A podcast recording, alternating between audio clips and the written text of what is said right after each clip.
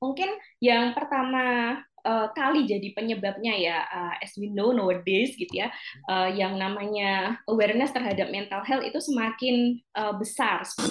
Semakin baik kesehatan mental maka produktivitas seseorang itu akan semakin tinggi gitu jadi udah sudah cukup banyak riset uh, terkait dengan uh, antara kesehatan mental begitu ya dengan produktivitas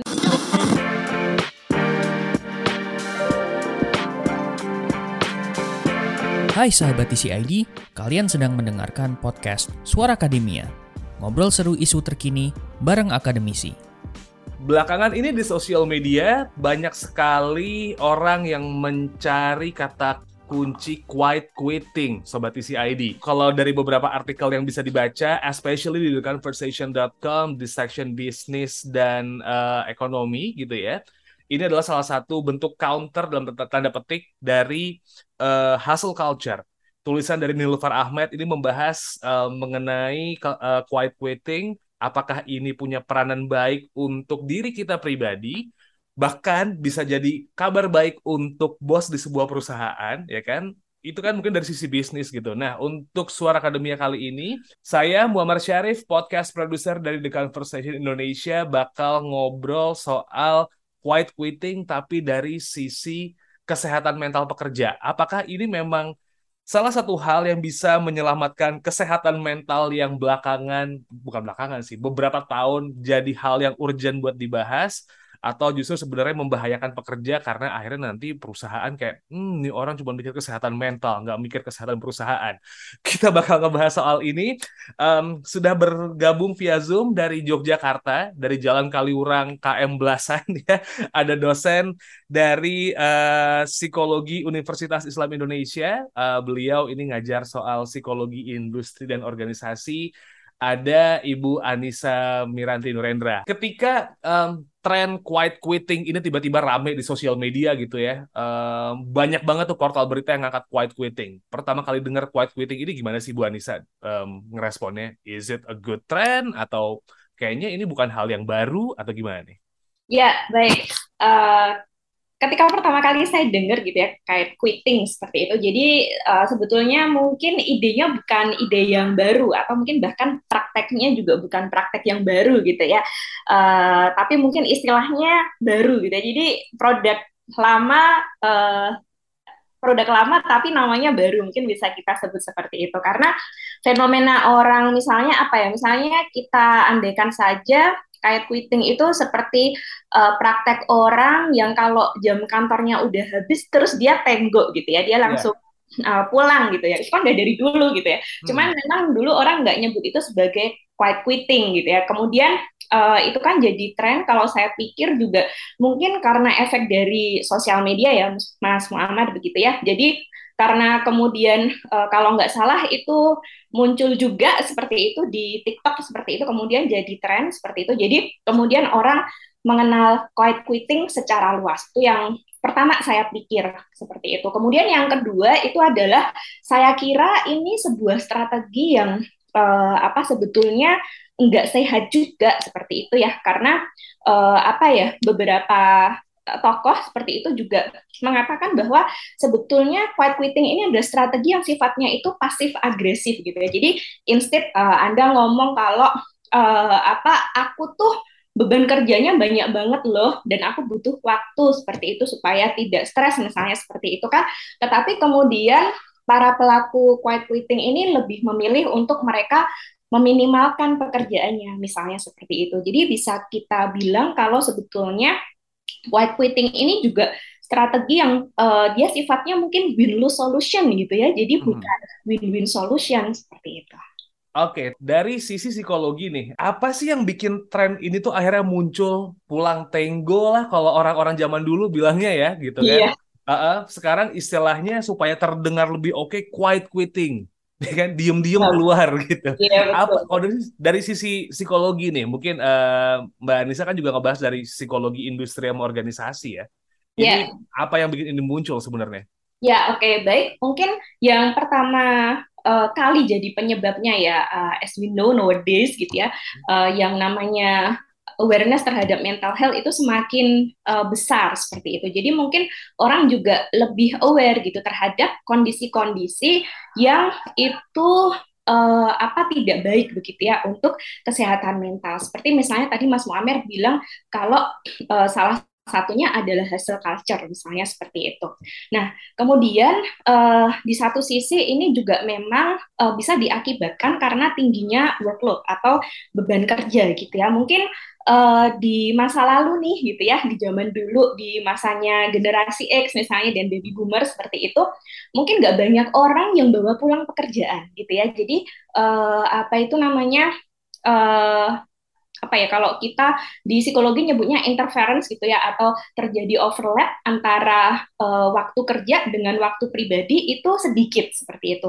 Tetapi kemudian dengan perkembangan teknologi, uh, let's say itu ada WhatsApp gitu ya, siapa sih yang uh, sekarang di apa itu namanya di handphonenya itu nggak punya WhatsApp WhatsApp grup yang isinya pekerjaan gitu kan pasti semua punya WhatsApp grup yang isinya pekerjaan dan biasanya nggak cuma satu gitu ya bisa uh, apa beberapa. Dan uh, apa mungkin fenomenanya adalah kemudian setiap saat WhatsApp itu bunyi gitu ya. Jadi pasti selalu aja uh, apa itu namanya ada urusan pekerjaan yang mungkin itu sudah juga uh, apa ya uh, itu terjadi di luar jam kerja seperti itu. Jadi mestinya jam istirahat uh, katakanlah jam 9 kita masih terima WhatsApp yang isinya nanyain kerjaan seperti itu. Nah ini tentunya juga uh, apa itu namanya jadi nggak sehat gitu. Jadi kalau istilah psikologinya itu adalah orang nggak punya psychological detachment atau waktu untuk tidak memikirkan pekerjaan seperti itu. Nah ini juga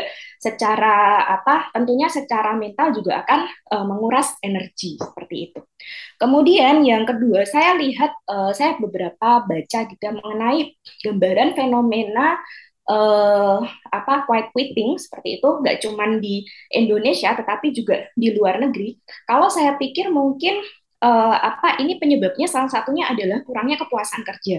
Karena ada yang uh, misalnya cerita seperti ini buat apa saya kerja um, bekerja keras gitu ya atau buat apa sih saya jadi employee of the month misalnya seperti itu. Kalau uh, ternyata antara saya sebagai employee of the month dengan ketika saya tidak jadi employee of the month ternyata mendapatkan gaji yang sama aja gitu. Jadi nggak ada uh, apa apresiasi yang mungkin dirasakan secara nyata oleh pegawai atau oleh karyawan seperti itu sehingga mereka kemudian merasa uh, apa itu namanya kurang puas seperti itu juga uh, apa kaitannya dengan workload tadi mungkin ada perusahaan-perusahaan yang memang secara culture itu kurang memperhatikan kesejahteraan pegawai seperti itu misalnya ya pekerjaan apa perusahaannya itu dia uh, sangat agresif misalnya di dalam bisnis gitu ya. Semakin maju perusahaan itu atau semakin perusahaan itu uh, memiliki target-target yang mau dicapai, pasti beban kerja karyawannya itu juga meningkat gitu. Tetapi kadangkala enggak eh, kadangkala sih mungkin sering gitu ya itu tidak diimbangi dengan uh, perhatian terhadap well-being pegawainya, misalnya seperti itu. Kemudian saya lihat yang ketiga itu adalah kurangnya work-life balance gitu ya. Jadi uh, apa pegawai itu merasa kurang waktu untuk me time misalnya seperti itu dan melakukan kegiatan lain yang itu uh, bermakna untuk uh, pertumbuhan diri mereka seperti itu termasuk juga mungkin kegiatan yang sifatnya rekreasional seperti itu atau melakukan kegiatan uh, hobi dan yang lainnya seperti itu. Kemudian uh, penyebab lainnya itu juga bisa karena pegawai ini sudah cenderung burnout gitu ya atau hmm. dia sudah mengalami kelelahan kerja gitu ya karena uh, saya yakin orang yang uh, melakukan quiet quitting itu uh, dia pasti masa kerjanya itu tidak sebentar gitu ya. Kan nggak ada tuh orang yang misalnya barusan keterima kerja terus dia langsung kayak quitting gitu ya. Biasanya kan kalau yang orang-orang yang masih pada baru keterima kerja itu kan biasanya masih semangat gitu istilahnya mungkin kalau di perusahaan tuh darah muda darah segar gitu yang siap untuk diberdayakan gitu ya. Uh, ini mungkin masih semangat semangatnya tapi ketika sudah berjalan sekian lama gitu ya dia udah ngerasain oh ternyata lo uh, pekerjaan itu mayan gitu ya. Hmm. Terus dia mulai lelah, capek gitu kan. Uh, mulailah dia burnout seperti itu. Nah, saya kira yang uh, apa yang sudah mengalami burnout ini yang kemudian uh, rentan gitu ya untuk kemudian melakukan white quitting seperti itu. Dan juga uh, mungkin ya uh, apa cara berpikir uh, individu yang yang apa misalnya kan ada juga tuh saya baca fenomenanya itu adalah ada orang-orang juga yang merasa bahwa kalau mereka itu bekerja keras gitu itu hanya memperkaya perusahaan tapi tidak memberikan apa itu kontribusi terhadap pengembangan diri mereka. Nah ini memang di sini kemudian jadi uh, apa ada sesuatu yang mungkin perlu kita perhatikan dari sisi individu seperti itu dan juga dari culture perusahaan. Jadi kalau saya pikir ini uh, apa itu namanya yaitu tadi ya antara uh, individu sama perusahaan itu ada yang nggak ketemu seperti itu sehingga kemudian uh, pegawai atau karyawan itu melakukan white quitting. Kalau udah sampai diatur sama uh, ILO, artinya memang sebenarnya ada dong hubungan yang kuat antara kesehatan mental sama produktivitas orang gitu, uh, Mbak Anissa. Jadi kayak misalnya orang dengan um, kesehatan mental yang baik itu akan produktif banget gitu di kantor. Atau kalau dari uh, case yang lain misalnya orang dengan kesehatan mental yang mungkin sedikit terganggu itu akan terganggu juga produktivitas di kantor. Um, itu hubungannya kayak gimana sih Mbak? Apakah memang linear seperti itu dan juga sudah sempat ditelitikah atau sebenarnya nggak ada hubungannya? Ya, oke. Okay. Uh, eh, jadi betul bahwa uh, apa semakin baik kesehatan mental maka produktivitas seseorang itu akan semakin tinggi gitu. Jadi udah sudah cukup banyak riset uh, terkait dengan apa kaitannya antara uh, kesehatan mental begitu ya dengan produktivitas. Salah satunya itu uh, ada model yang disebut sebagai job demand resource model gitu ya. Jadi uh, kalau job demand itu berarti tuntutan kerja, job resource itu berarti sumber daya kerja gitu ya. Nah, menurut teori itu gitu ya bahwa ketika uh, beban kerja yang dimiliki oleh seseorang itu terlalu tinggi, itu akan mengakibatkan terjadinya burnout seperti itu. Nah, burnout atau kelelahan kerja itu bentuknya uh, bisa berupa stres kerja gitu ya. Dan kalau kita ngomongin stres kerja, stres kerja itu bisa berupa kelelahan secara fisik gitu ya. Jadi lebih sering misalnya pusing gitu ya. Kemudian uh, apa sesak napas misalnya seperti itu, tekanan darah tinggi, asam lambung naik. Nah, itu kan udah gejala-gejala fisik orang itu stres gitu ya secara fisik gitu. Kemudian secara uh, apa itu namanya? secara psikologis misalnya mulai susah tidur termasuk juga mulai merasa bahwa pekerjaannya itu tidak bermakna seperti itu. Nah, ketika orang merasa pekerjaannya tidak bermakna apalagi dia kemudian mengalami kelelahan secara mental dan juga secara fisik. Itu kan rasanya kayak udah ogah gitu ya. Dan emang uh, apa udah nggak uh, mampu gitu ya dia untuk bekerja sehingga uh, produktivitasnya pasti akan turun. Seperti itu. Nah, sebaliknya nih, ketika menurut teori tersebut, uh, ketika job resource-nya itu banyak, sumber daya kerja itu bentuknya bisa macam-macam gitu begitu ya. Bisa berupa dukungan dari organisasi misalnya organisasi memberikan beban kerja yang itu rasional kemudian lingkungan kerjanya itu uh, apa menyenangkan gitu ya. Misalnya kantornya itu fasilitasnya bagus ada pantry kemudian misalnya uh, apa juga disediakan peralatan lain untuk refreshing seperti itu. Ada juga yang menyediakan gym atau misalnya uh, game center itu saya pernah lihat gitu ya kemudian juga rekan kerjanya tadi ya saling suportif, saling mendukung satu sama lain, atasannya itu juga uh, suportif gitu ya, itu akan membuat uh, engagement atau uh, apa mungkin kita istilahnya adalah uh, engagement itu adalah istilah untuk menggambarkan orang bisa bekerja dengan produktif dan happy tadi ya itu happen atau terjadi di tempat kerja seperti itu. Jadi ketika uh, apa kesehatan mental seorang pegawai ini dia itu buruk, betul dia akan tidak produktif gitu kan. Gimana orang mau kerja kalau secara fisik kemudian juga secara uh, apa secara mental, secara kognitif gitu, secara pikiran dia sudah tidak mampu untuk melakukan itu. Tetapi ketika um, dia berada dalam kondisi mental yang baik, dia well-beingnya terjaga, dia sehat, tentunya dia juga akan produktif ya. Dalam hal ini adalah dia sehat secara mental dan juga secara fisik seperti itu.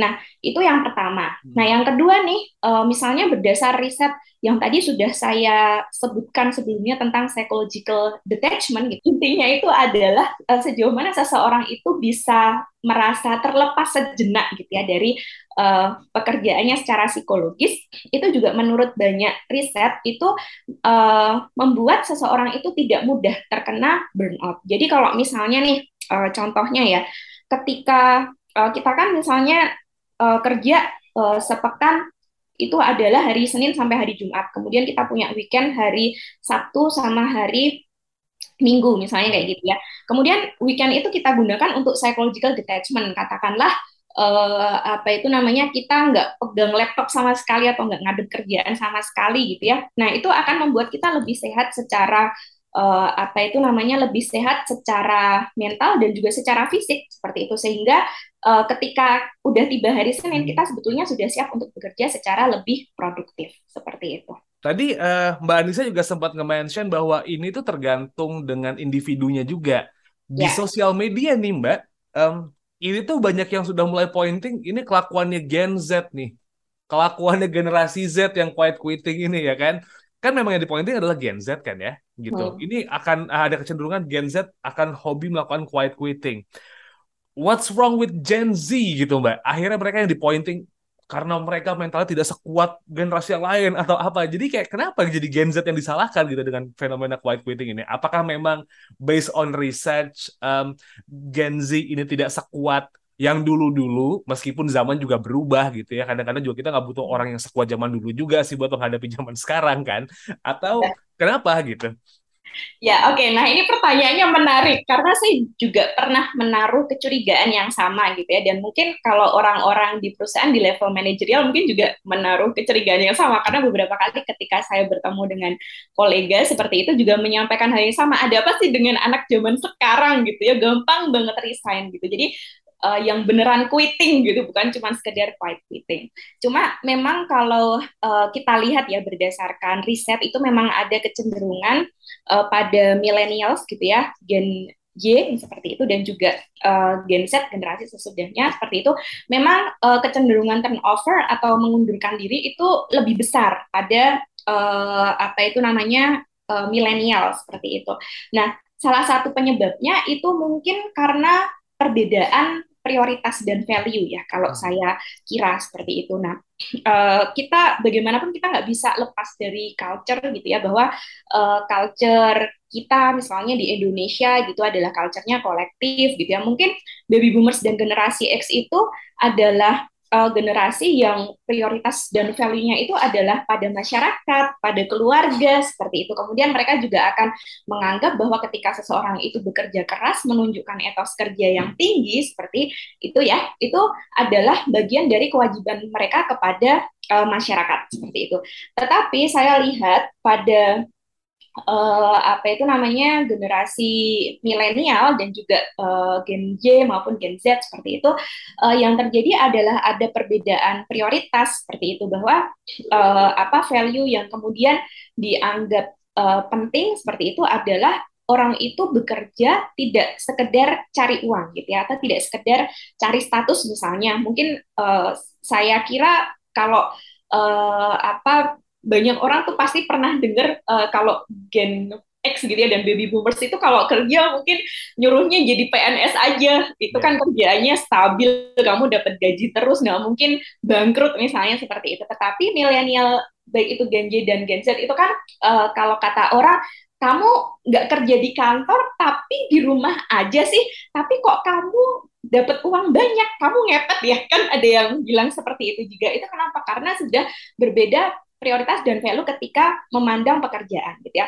Uh, generasi milenial itu lebih melihat bahwa pekerjaan yang dalam tanda kutip baik bagi mereka itu adalah pekerjaan yang membuat mereka bisa mengaktualisasikan dirinya dengan baik gitu ya maka uh, apa keluar bahwa bekerja itu misalnya salah satu trennya itu bekerja sesuai passion misalnya seperti itu ya dan kemudian juga uh, apa itu namanya bahwa work life balance itu adalah suatu hal yang penting seperti itu. Sehingga kemudian ketika uh, apa itu namanya uh, generasi milenial ini bekerja tetapi kemudian tidak mendapatkan work life balance seperti itu ketika uh, misalnya kurang me time, dia tidak bisa melakukan hobi atau hal-hal yang membuat dia secara kepribadian bertumbuh gitu kan mereka akan kemudian mudah merasa kecewa gitu ya sehingga kemudian tadi menarik diri uh, baik itu uh, mereka resign gitu ya jadi salah satu trennya memang tingginya turnover di kalangan generasi milenial atau bahkan melakukan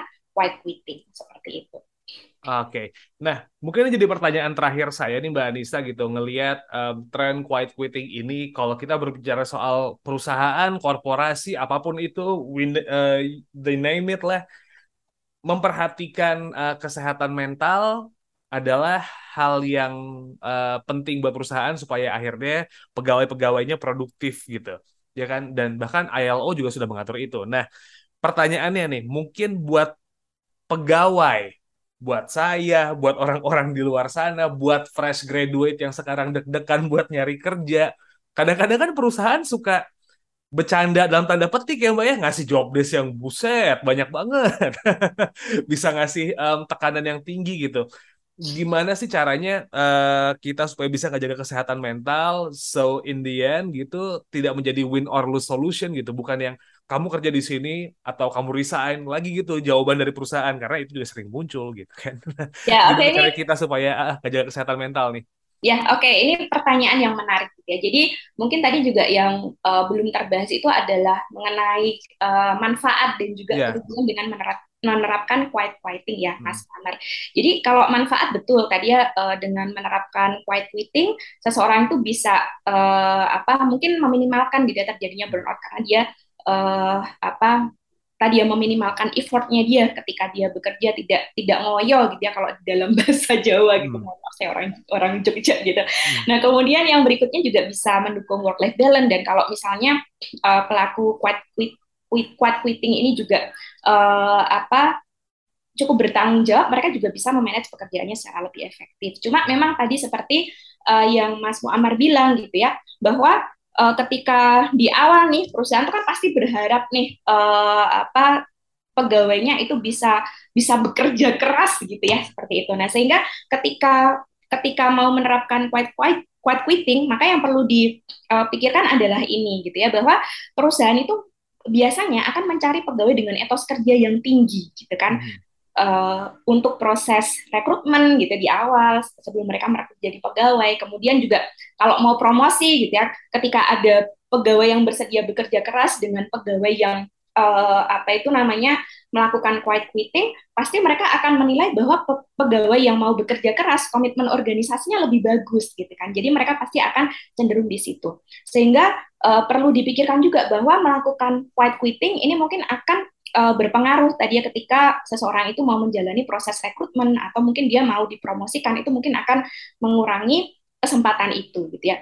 Belum lagi nanti mungkin kalau udah bekerja uh, apa itu namanya uh, pelaku quiet quitting ini mungkin juga akan dinilai oleh teman-temannya bahwa kok kamu uh, apa misalnya nih ya kalau ada yang melakukan quiet quitting dengan cara uh, dia udah selesai duluan, tetapi misalnya teman-temannya belum pada selesai. Terus dia nggak mau bantuin dengan alasan ini kan udah jam kerjanya udah selesai ngapain gue bantuin? Lo misalnya kayak gitu. Nah ini akan menyebabkan uh, apa itu namanya konflik juga sebetulnya dengan rekan kerja karena mungkin rekan kerjanya akan akan melihat kok kamu nggak care misalnya seperti itu. Nah sehingga uh, alih-alih gitu ya uh, daripada melakukan apa itu namanya quiet quitting seperti itu maka uh, ada beberapa hal sebetulnya yang bisa menjadi alternatif seperti itu daripada uh, yaitu tadi ya strateginya pasif agresif gitu ya daripada gue ngomong mendingan gue uh, keluar pelan-pelan misalnya kayak yeah. gitu ya. Nah, itu ada beberapa yang bisa dilakukan. Yang pertama adalah lebih efisien dalam bekerja. Jadi,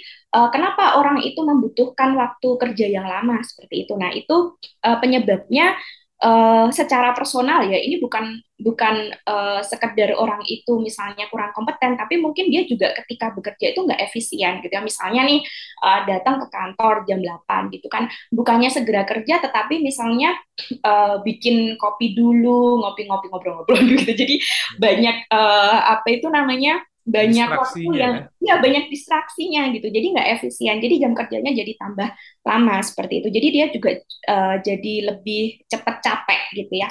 Kemudian yang kedua juga bisa penyebabnya itu adalah strategi work life balance-nya itu kurang adaptif. Misalnya nih uh, apa uh, kalau malam setelah pulang kerja itu bukannya segera beristirahat tapi misalnya stalking mantan pacar misalnya kayak gitu gitu kan. Atau melakukan hal-hal yang itu uh, apa namanya tidak sehat sebetulnya begadang terlalu malam tapi tanpa alasan yang jelas seperti itu. Nah ini juga uh, apa membuat kita lebih rentan untuk lelah seperti itu ya. Kemudian hidupnya nggak sehat gitu ya. Jadi misalnya makan cuma seadanya gitu, nggak bergizi, nggak pernah makan sayur, tidak berolahraga seperti itu ini juga akan membuat lebih capek. Nah sehingga yang bisa dilakukan itu adalah uh, bisa dengan memperbaiki pola kerja begitu ya. Kemudian juga bisa dengan uh, apa itu namanya mencari strategi work life balance yang lebih adaptif misalnya di dalam uh, mengelola waktu seperti itu dan juga mengelola habit gitu ya. Jadi kalau uh, apa itu namanya Stephen Covey dulu pernah bilang bahwa ada tujuh kebiasaan efektif itu sebetulnya itu masih berlaku juga sampai sekarang gitu ya. kebiasaan-kebiasaan yang uh, efektif itu. Kemudian juga bisa dengan menerapkan pola hidup sehat. Nah, kemudian ketika apa itu namanya ketika misalnya kalau di awal-awal itu kan uh, baik itu perusahaan dan pegawai itu kan sebetulnya lagi sama-sama antusias gitu ya. Nah, itu nggak apa-apa sih di uh, apa jadi biasanya yang terjadi itu kan adalah diiyain aja seperti itu karena uh, ketika pas pas di awal gitu ya uh, orang tanda tangan kontrak kerja kan masih belum belum terlalu jelas nih dia uh, apa load kerjanya ke depannya akan seperti apa. Tetapi ketika load kerja itu ternyata kok berat banget, kok misalnya ada hal-hal yang dirasa kok nggak sesuai dengan dulu yang ada di kontrak seperti itu, kalau bisa membangun pola komunikasi yang bagus sih, coba didiskusikan aja dengan uh, atasan seperti itu. Jadi modelnya itu adalah asertif gitu ya. Kalau secara uh, komunikasi efektif juga asertif itu berarti kita menyampaikan apa yang kita rasakan tetapi tidak perlu uh, dengan agresif seperti itu dan juga tidak dengan pasif tetapi sebetulnya uh, tadi uh, win lose seperti itu. Nah, ini tentu saja akan lebih sehat gitu. Tetapi dengan catatan hal ini memang harus dikomunikasikan dengan baik supaya tidak salah paham karena tadi ya kalau misalnya kemudian kesannya seperti mengeluh maka uh, apa mungkin atasan itu atau perusahaan itu atau bos gitu ya itu akan menilai bahwa kok kamu kerjaannya sambat atau sambat itu mengeluh aja sih uh. seperti itu gitu ya.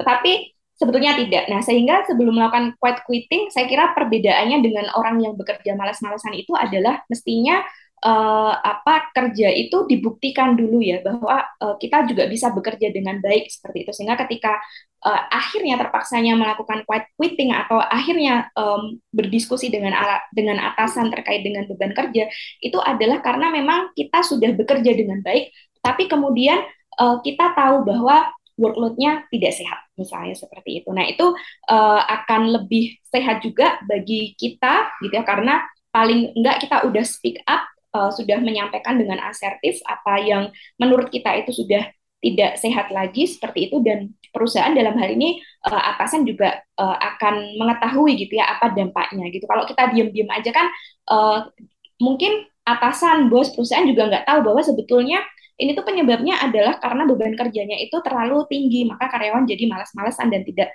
produktif gitu ya bahwa mereka juga nggak akan tahu bahwa uh, beban kerja yang kita miliki itu sebetulnya mengganggu kesehatan mental dan juga kesehatan fisik seperti itu. Tapi ketika komunikasi yang terbuka itu terjadi seperti itu tuh akan lebih sehat bagi kedua belah pihak seperti itu.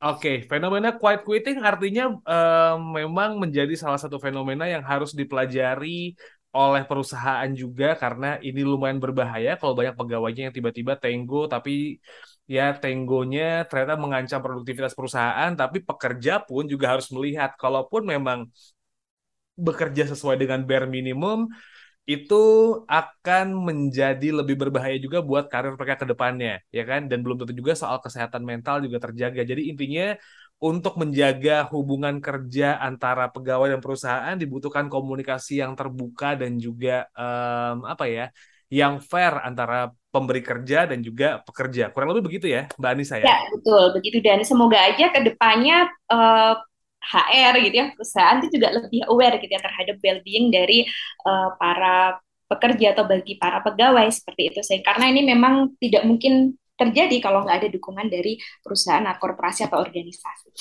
Oke, okay, kalau begitu terima kasih Mbak Anissa Miranti untuk informasinya soal quiet quitting ini. Kalau begitu, Sobat Isi ID buat um, kali ini Suara Akademia kita udahan dulu buat kamu yang pengen tahu banyak banget informasi dari The Conversation Indonesia dari section-section yang sudah ada ada soal pendidikan anak muda, ada soal bisnis dan ekonomi, ada soal kesehatan, ada soal lingkungan, uh, ada soal sains juga. Semua bisa kamu cek di theconversation.com/id and don't forget to follow our social media di @conversationidn itu ada di TikTok, ada di Twitter, ada di Instagram. Kalau begitu, saya pamit as a podcast producer. My name is Muhammad Syarif. I'll see you in the next episode. Kalian telah mendengarkan podcast Suara Akademia, ngobrol seru isu terkini bareng akademisi.